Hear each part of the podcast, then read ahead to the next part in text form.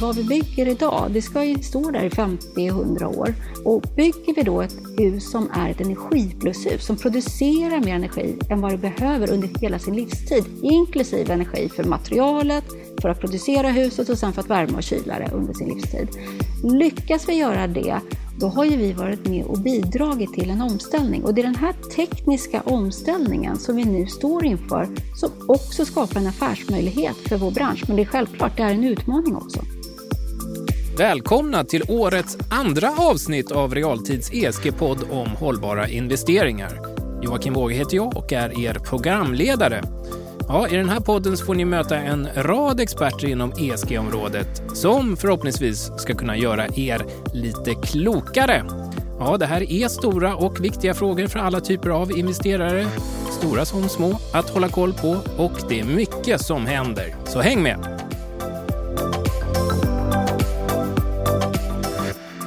Vi har med oss en mycket spännande person som sedan i fjol sitter med i koncernledningen för byggjätten Skanska, nämligen Lena Höök. Välkommen! Tack så mycket! Kul att ha dig med i ESG-podden.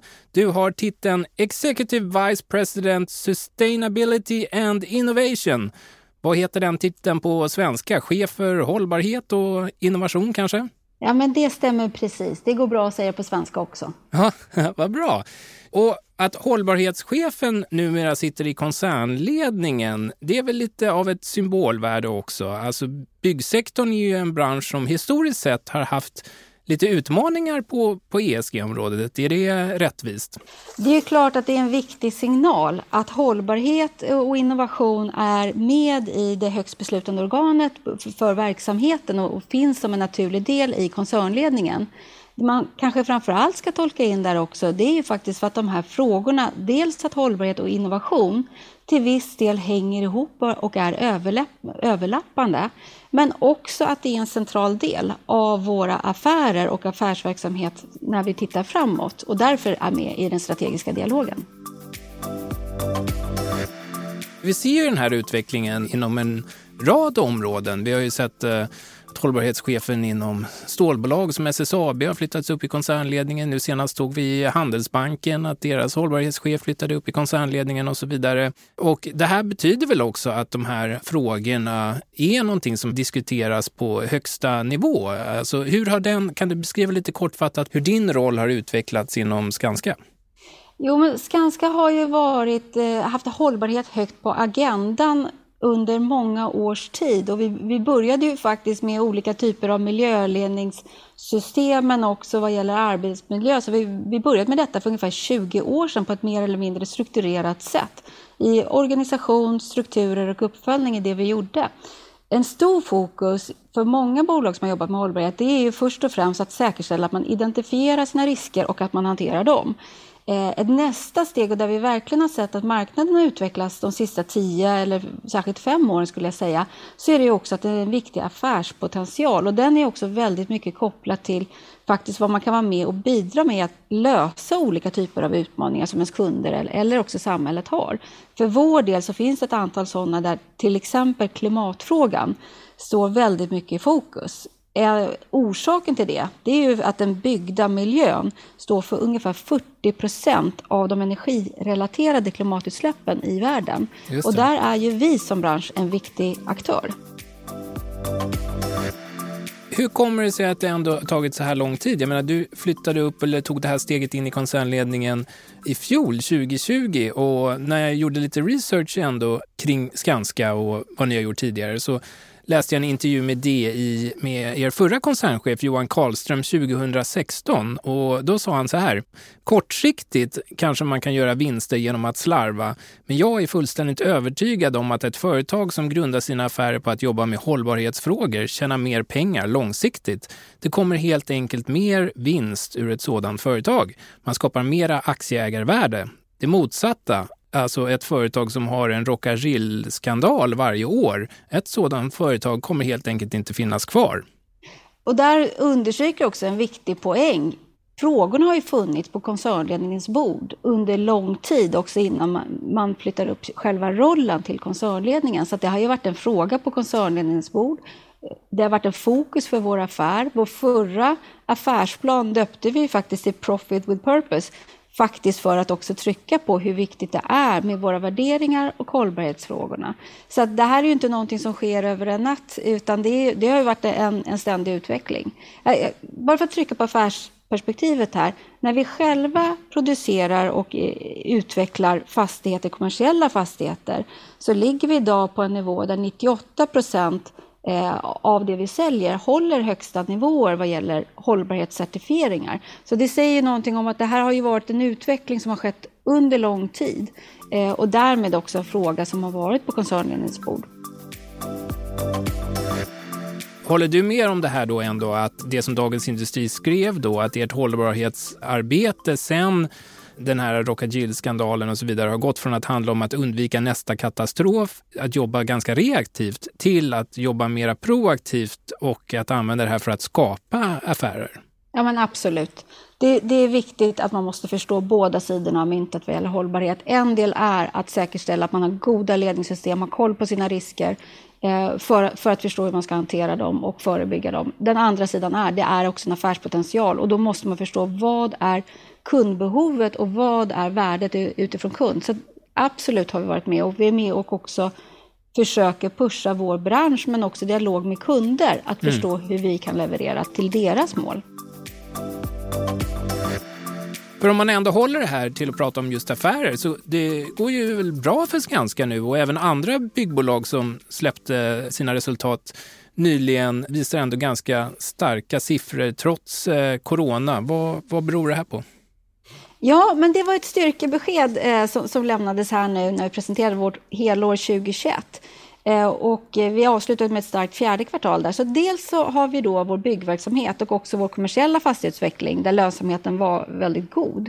Så om man ser till eh, helåret så kan vi se att vi har ökat vad gäller till exempel bostadsutveckling i både volym och lönsamhet på alla våra marknader. Mm. Och vi har startat också en mängd olika utvecklingsprojekt av väldigt hög kvalitet och nått väldigt höga nivåer också där. Sen ska man ju också komma ihåg att vi gjorde en eh, strategisk genomlysning av bolaget för ett antal år sedan, 2018, där vi gick igenom vilka projekt är det som går bra och vilka går sämre. Och utifrån den analysen har vi också strukturerat om och vi har också tittat på vilka marknader som vi satsar på och vilka projekt vi väljer att ta på oss. Så att den uppstyrningen ger ju också nu ett resultat som vi ser. Det hade ju kanske skett oavsett pandemin eller inte. Men om vi ändå ska prata lite om pandemin här, för även om det här avsnittet kommer släppas lite senare så spelar vi in den idag den 9 februari, alltså samma dag som regeringen då släpper alla pandemirestriktioner. Vi har sett liknande beslut tas eller väntas tas från flera andra länder. Hur påverkar det här byggbranschen eh, framåt sett nu att vi kanske ändå är på den sidan pandemin där det börjar se lite ljusare ut? Vi ska alla nog vara försiktigt positiva eh, och självklart välkomnande om vi kan se ett slut på eh, pandemin och också de åtgärder. Vad gäller för vår del så har det varit en begränsad påverkan Eh, vad gäller pandemin utifrån att vi kunnat hålla igång vår produktion. Däremot så självklart har ju vi precis som alla andra fått göra stora justeringar för att kunna hantera en pandemi eh, när vi håller igång produktionen. Här har vi haft en styrka i att vi redan har en befintlig hållbarhetsorganisation och mycket, eh, mycket kompetens och, och stark organisation med kopplat kring arbetsmiljö också ute med ansvariga tydliga ledningssystem ute på våra byggarbetsplatser. Det gav oss en styrka att kunna agera väldigt snabbt när pandemin inträffade och också hur vi skulle kunna säkerställa egentligen både hälsa och en god arbetsmiljö under, eh, i, i samtliga våra länder. Mm. Jag, kan, jag kan ta upp en lärdom, eh, nå, någonting som också man får säga, en, en positiv utkomst då, ja, om man får säga så. Eh, en sak som vi faktiskt gjorde i USA, det var att vi började sätta upp säkerhetskameror på våra byggarbetsplatser där vi kunde då eh, filma under dagarna under, eh, och sedan hade vi ett AI-system och en analys där vi kunde titta på var fanns det säkerhetsrisker, risker för att människor inte kunde hålla en social distans och vara för nära varandra etc. Men vi kunde också lägga in andra arbetsmiljörisker och parametrar.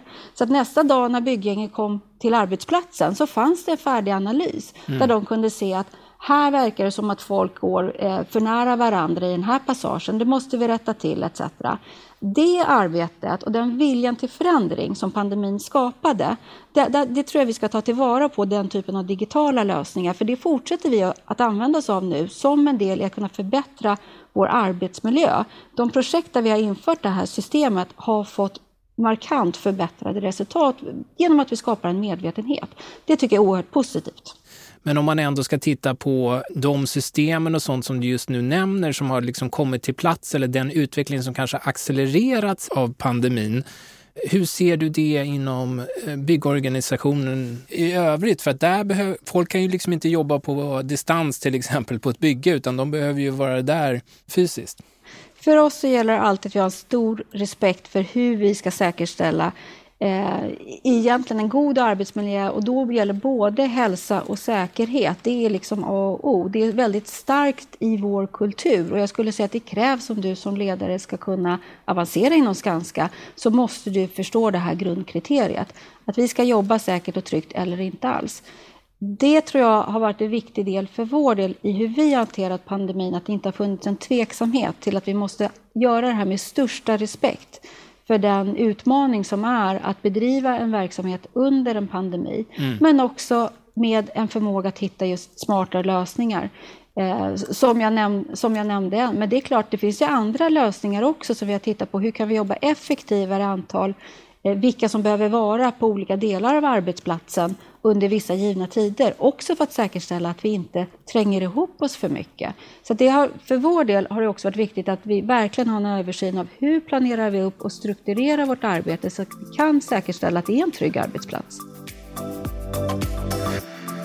Ni har ju vässat era klimatmål eh, i fjol och vi ska komma in lite mera på det arbetet i år. Men du pratar ändå om S här nu kan man väl ändå säga, ESG, alltså de sociala aspekterna. Och mm. där har ju också eh, byggbranschen varit kritiserad med, med tanke på var arbetskraften kommer ifrån och skatter och överhuvudtaget hur det ser ut på arbetsplatsen.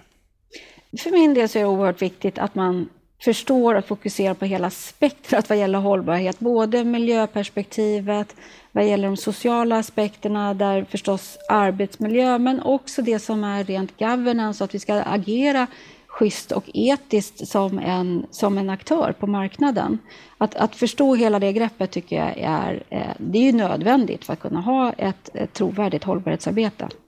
Hur mäter ni det arbetet då? Vi, vi kommer in på miljömålen snart, men liksom, har, mm. ni, har ni sådana mål som ni har satt inom S-området också? Absolut. Vad gäller arbetsmiljö, det är första frågan på, på, på våra morgonmöten ute på byggarbetsplatserna.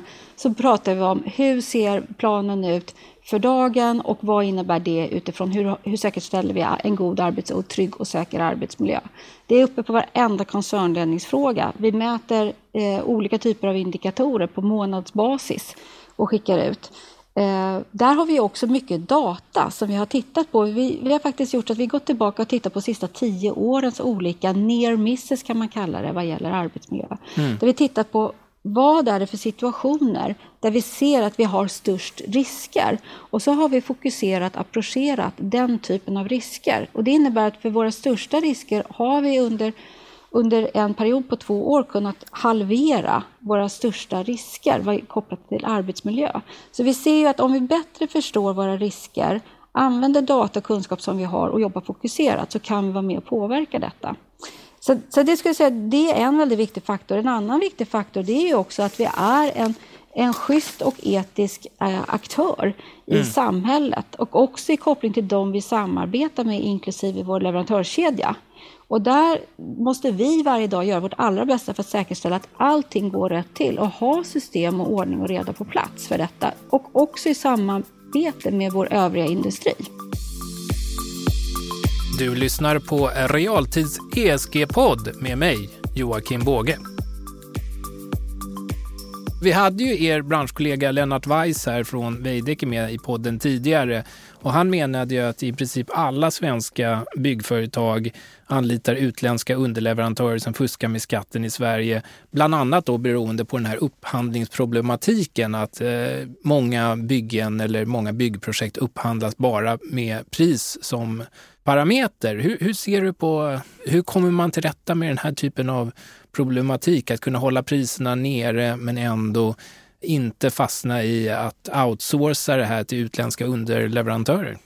Det är klart att det finns problem. Jag skulle akta mig för att göra för svepande generaliseringar. Eh, vi har ju en fri rörlighet inom EU vad gäller arbetskraft och vi ska också tänka på att vår industri har också, en byggarbetsplats har blivit mycket, mycket mer specialiserad. När vi för kanske 30 år sedan kunde ha samma personer som gjorde samma sak till allting, så är det nu mycket mer specialiserade arbetslag. Mm. Oavsett det så måste allting gå rätt till. Det är viktigt att man har, håller en väldigt hög standard och att vi också jobbar ihop med eh, olika myndigheter eh, som Upphandlingsmyndigheten som har gått ut och gemensamt tryckt på för hur man ska egentligen jobba med de här frågorna i stora infrastrukturprojekt. Jag tror att här måste vi alla både ha god ordning och kontroll och systematik själva. Vi måste också samarbeta med myndigheter för att få en ordentlig genomlysning. Och för egen del, om man tittar utöver de olika kontrollsystem och granskningar som vi själva gör och har på plats, så handlar det också om hur ser arbetsmiljön ut och hur ser kulturen ut på en byggarbetsplats? Det har vi jobbat mycket med också. Mm. Hur vi säkerställer att vi har en speak up culture som vi kallar det för. Det är både för arbetsmiljöarbetet, det är också för att det ska gå rätt och riktigt till. Så att under förra året har vi haft en hel del dialoger också om hur kan jag uppmärksamma om jag tror att det är någon som inte mår bra på den här byggarbetsplatsen, att det kanske ligger någonting annat bakom. Eh, hur man kan vara uppmärksam på den typen av signaler och hur man då också anmäler det. Vi har en whistleblowing-funktion, men eh, det är självklart för, för, den som inte, för den som vill vara anonym och känna en trygghet i det. Men också hur plockar vi upp på de signaler och agerar direkt på det. Byggbranschen är ju traditionellt en ganska mansdominerad bransch. Det är ju ett aspekt i S i ESG så att säga. Mm. Eh, jämlikhet eller jämställdhet och så vidare. Men det finns ju den här problematiken också med, med svart arbetskraft och med säkerhet på jobbet och så vidare. Men jag tänkte ändå försöka förklara det här för lyssnarna. För att här, varför sitter vi och pratar om det här i en podd om investeringar? Jo, därför att det handlar ju om ESG-risker och eh, många bolag blir avinvesterade och så vidare av vissa fonder och andra därför att de tycker att här finns det för stora risker, att det inte sker på ett schysst sätt. Och hur undviker du, skulle du säga, hur, hur gör Skanska ett bra arbete på det här för att inte riskera att bli liksom som tobak eller gruvindustrin eller någonting annat och liksom hamna på investerarnas eh, av investeringslista så att säga, utan att ni på Skanska verkligen tar tag i de här frågorna, förutom liksom symbolvärdet av att flytta upp dig i koncernledningen och så vidare? Ja, men för det första så har vi ju en, en, en tydlighet vad gäller vad, vad, vad är våra ställningstaganden. Vi har en code of conduct för våra leverantörer som, som vi har som krav att alla ska följa. Vi gör, om vi tar Sverige som exempel, vi har en förkvalificering av leverantörer som täcker in ungefär mer än 80 procent av vår inköps volym som är förkvalificerad. Vi gör eh, revisioner på olika sätt och vi gör utvärderingar av våra leverantörer. Mm. Allt det här är ju viktiga aspekter. Vi ska inte tro att en sak hjälper hela problemet och inklusive whistleblowing-funktion och även att vi har den här öppna dialogen. Vi hade ett fall där vi såg att det var en underleverantör som inte betedde sig korrekt och det gällde både egentligen arbetsmiljö men det också var eh, vad vi såg som inte ett korrekt eh, och affärsetiskt agerande. Mm. Eh, då anmälde vi det till myndigheterna, vi rapporterade det, men det vi också gjorde det var att utöver att det skedde i ett projekt att vi hanterade det, det där och då och såg till att de eh, medarbetarna hos den underleverantören blev korrekt hanterade. Eh, det är att vi också lyfter det som ett case och pratar om det internt och, så att vi också aktiverar olika funktioner vad gäller till exempel de som jobbar med personal och HR, vad gäller legal och, och våra etikansvariga, våra hållbarhetschefer och de som också jobbar med inköp. Så att alla kan förstå hur kan ett case se ut. Så att jag tror att man måste jobba på många nivåer. Dels handlar det om en, en, att ha en systematik och en uppföljning på plats. Men det handlar också om hur vi visar hur vi verkligen agerar när någonting inträffar. Och också hur vi medvetandegör varandra att sådana här saker kan ske i vår verksamhet och då ska, då ska man agera på det. Vi ska prata lite om klimatfrågorna och sånt sen också och er inställning till det. Men om man ska sammanfatta ert liksom hållbarhetsarbete inom Esset då, då, jämfört med andra byggbolag. Vad skiljer er åt? Vad gör Skanskas aktie till en bättre investering från ett ESG-perspektiv än era branschkollegor? Jag tror att en sak där vi har tagit en ledande position eh, sedan länge i vår bransch, det är vår vilja att förbättra hela arbetsmiljöarbetet. Och, och, och då, då, talar jag liksom över he, hela spektrat här, där förstås hälsa och säkerheten är en oerhört viktig del. Mm. Men också hur vi jobbar respektfullt med och bemöter varandra eh, på våra byggarbetsplatser. Eh, en sån sak är ju också, du var inne på det, vad gäller hur kan man se på, både till mångfald och jämställdhet där vår bransch måste visa att vi faktiskt vill attrahera olika typer av kompetenser och olika typer av bakgrunder och att vi alla måste förstå hur vi jobbar tillsammans på ett, på ett bra sätt. Så att, vad, vad gäller så skulle jag säga att jag tror att Skanska utmärkt sig väldigt mycket kopplat kring säkerhet och hälsa. Och framför allt så hoppas jag att vi gör det i samverkan med andra. För vi ska vara medvetna om att vi är en bransch där vi har flera underleverantörer och vi har också kunder som alla måste höja sin nivå gemensamt. Vi kan lämna den frågan därhän. Om vi går vidare lite och pratar ändå om byggindustrins roll då i klimatfrågan. För byggindustrin står ju, som du nämnde här i början också, för en stor del av klimatutsläppen globalt. Vad är Skanskas masterplan för att dra ner på utsläppen här? Ja, men vi har ju precis, vi har, vi har vässat vårt klimatmål, men det vi framför allt har gjort är att vi sett till att få vårt klimatmål verifierat som ett science-based target, det vill säga att det är verifierat att det ligger i linje med vetenskapliga principer att nå Paris Agreement på en och en halv graders nivå. Mm. Då vet vi att vi har rätt fokus, att vi har rätt inriktning på det vi ser som var, är av allra störst relevans för oss att agera på. Kopplat till det här så har vi ju då också en klimatplan som vi också har brutit ner per marknad och, och per affärsenhet i hur man ska leverera på detta. Eh, och det handlar ju om både kortsiktigt och långsiktigt. Så att vi är en, en, eh, att, att, få den här typen av science-based target innebär ju också att vi som är en av de, eller vi är den största internationella aktören som har lyckats få ett science-based target. Och det är viktigt för oss att veta att den riktningen vi sätter är relevant framåt. Mm. Så om man då tittar på våra egna klimatutsläpp, och det är då bränsle och energi framför allt. Där har vi lyckats reducera dem med mer än 45 procent sedan 2015 och vår målsättning är att gå ner till 70 procent till 2030. Det handlar dels om effektiviseringar, men det handlar också om elektrifiering av tunga maskiner och transporter. Mm. Och också vad, vad gäller att vi kan eh, skifta till förnyelsebar energi.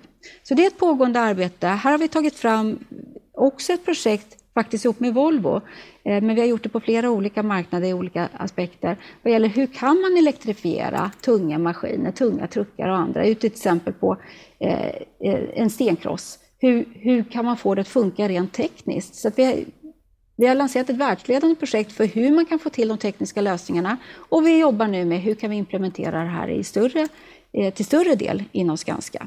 Det är en aspekt, men samtidigt kommer 90 procent av utsläppen från värdekedjan. Den är ju svårare att påverka, men den är ju desto viktigare kanske att man också har fokus på.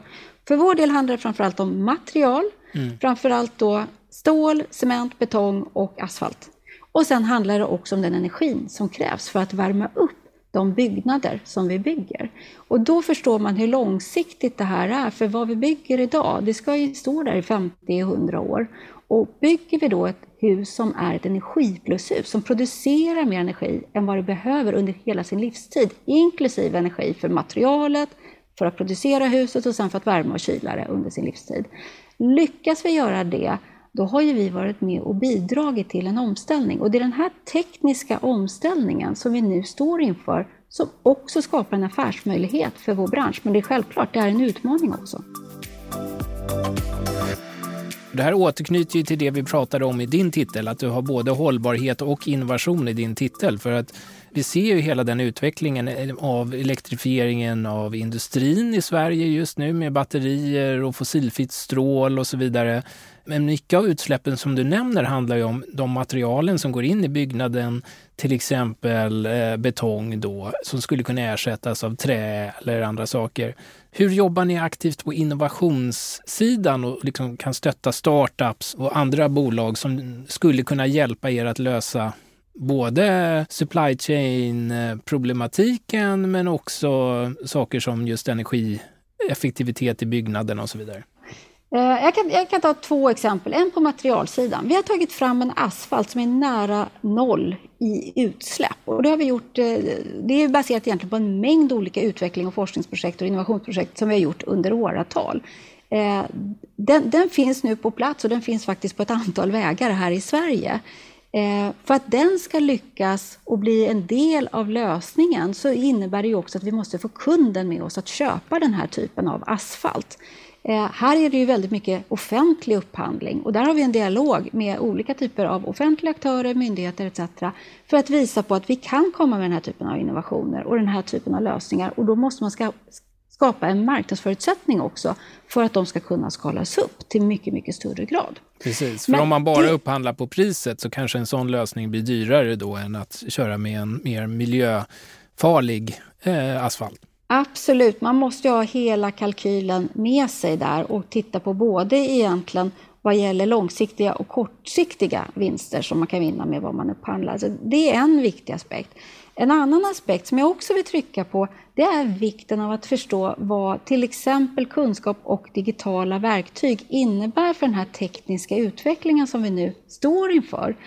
I Europa har vi kommit ganska långt i att förstå komplexiteten i klimatfrågan, men vi har också mycket kunskap som heter, vi, vi har någonting som kallas eh, man, man, gör egentligen miljövarudeklarationer, till exempel på material. Mm. Eh, där har vi kommit långt i Europa. När vi började titta på det här i USA, som för oss är en stor marknad, ungefär 40 procent av vår verksamhet finns där.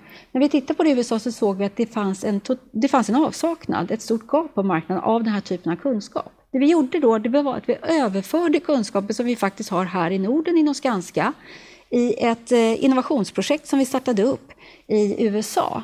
Och sen så började vi samarbeta med partners, bland annat Google och Autodesk och tog fram ett digitalt verktyg som vi nu har gjort open source. Och det innebär att alla kan faktiskt vara med och bidra till det här verktyget, men de kan också eh, använda det gratis. Och det är det här verktyget idag har, på bara några få år, så har det nu 70 000 miljövarudeklarationer inne i det här digitala verktyget.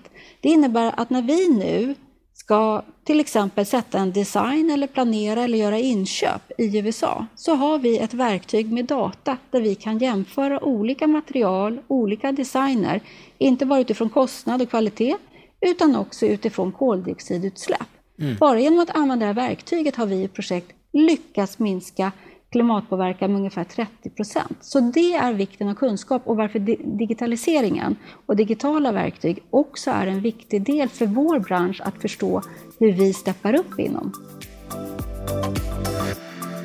Vi börjar behöva runda av här snart, men jag tänkte du har ju väldigt mycket kunskap inom det här området och så och för de lyssnarna som ändå är intresserade av att Eh, lära sig mer kring ESG-risker men också kanske hitta och kunna välja bolag eller fonder inom just byggindustrin som kanske är väl lämpade att kunna ja, göra vinster och eh, ha en bra utveckling framåt i den här omställningen till en mer grön och hållbar byggindustri. Vad hittar du i information och vad, vad kan man läsa om de här olika intressanta projekten och företagen och så vidare? Ja, men jag är ju glad att se att det är flera affärsmedia som har eh, börjat rapportera mycket mer kontinuerligt och också väldigt initierat vad gäller hela hållbarhetsspektrat. Eh, så att om jag skulle föreslå en tidning så är det Financial Times eh, som jag tycker har en kontinuerlig uppdaterad fokus. Och om jag då också får föreslå en podd som inte är svensk eh, så för min del, eh, där vi ser potentialen i, i, på, i USA som nu också börjar, eh, börjar steppa upp inom hela hållbarhetsspektrat, men också inom klimat, så finns det faktiskt en podd som heter America Adapts. Och den täcker in en mängd frågor men också väldigt mycket fokus kring den byggda miljö och byggnader och den kan jag varmt rekommendera. Förutom realtid och realtids ESG-podd då, där vi också uppmärksammar de här frågorna, måste jag flika Absolut. in i lite egen reklam. Ja, men det har ju de redan hittat till som lyssnar på det här. Och slutligen, ni är även med i eh, ett annat initiativ där ni också uppmuntrar innovation eh, inom det som kallas för proptech-området. Vill du berätta lite mer om det? Vi ser ju en fenomenal utveckling nu vad gäller eh, smarta byggnader och också kopplingen till nya tekniska lösningar. och där har vi faktiskt valt att samverka och göra ett PropTech Championship med, med PropTech Sweden för att vi ska kunna nå ut till olika startups och eh, mindre entreprenörer som kan ha lösningar som är högst relevanta för vår industri och där vi också skulle kunna skala upp den typen av lösningar. Det här är ett sätt för oss att se hur vår bransch kan modernisera oss, jobba med mer smarta lösningar och också faktiskt ett ömsesidigt lärande. Tack så hemskt mycket Lena för att du tog dig tid att vara med i ESG-podden idag. Tack så mycket. Det här har varit en podd från Realtid. Ansvarig utgivare för Realtid är Camilla Jonsson. För att sponsra ESG-podden, hör av er via mejl till maria.pellborn.realtidmedia.se. För fler avsnitt av ESG-podden, kolla in realtid.se eller sök på Realtid ESG-podden där poddar finns.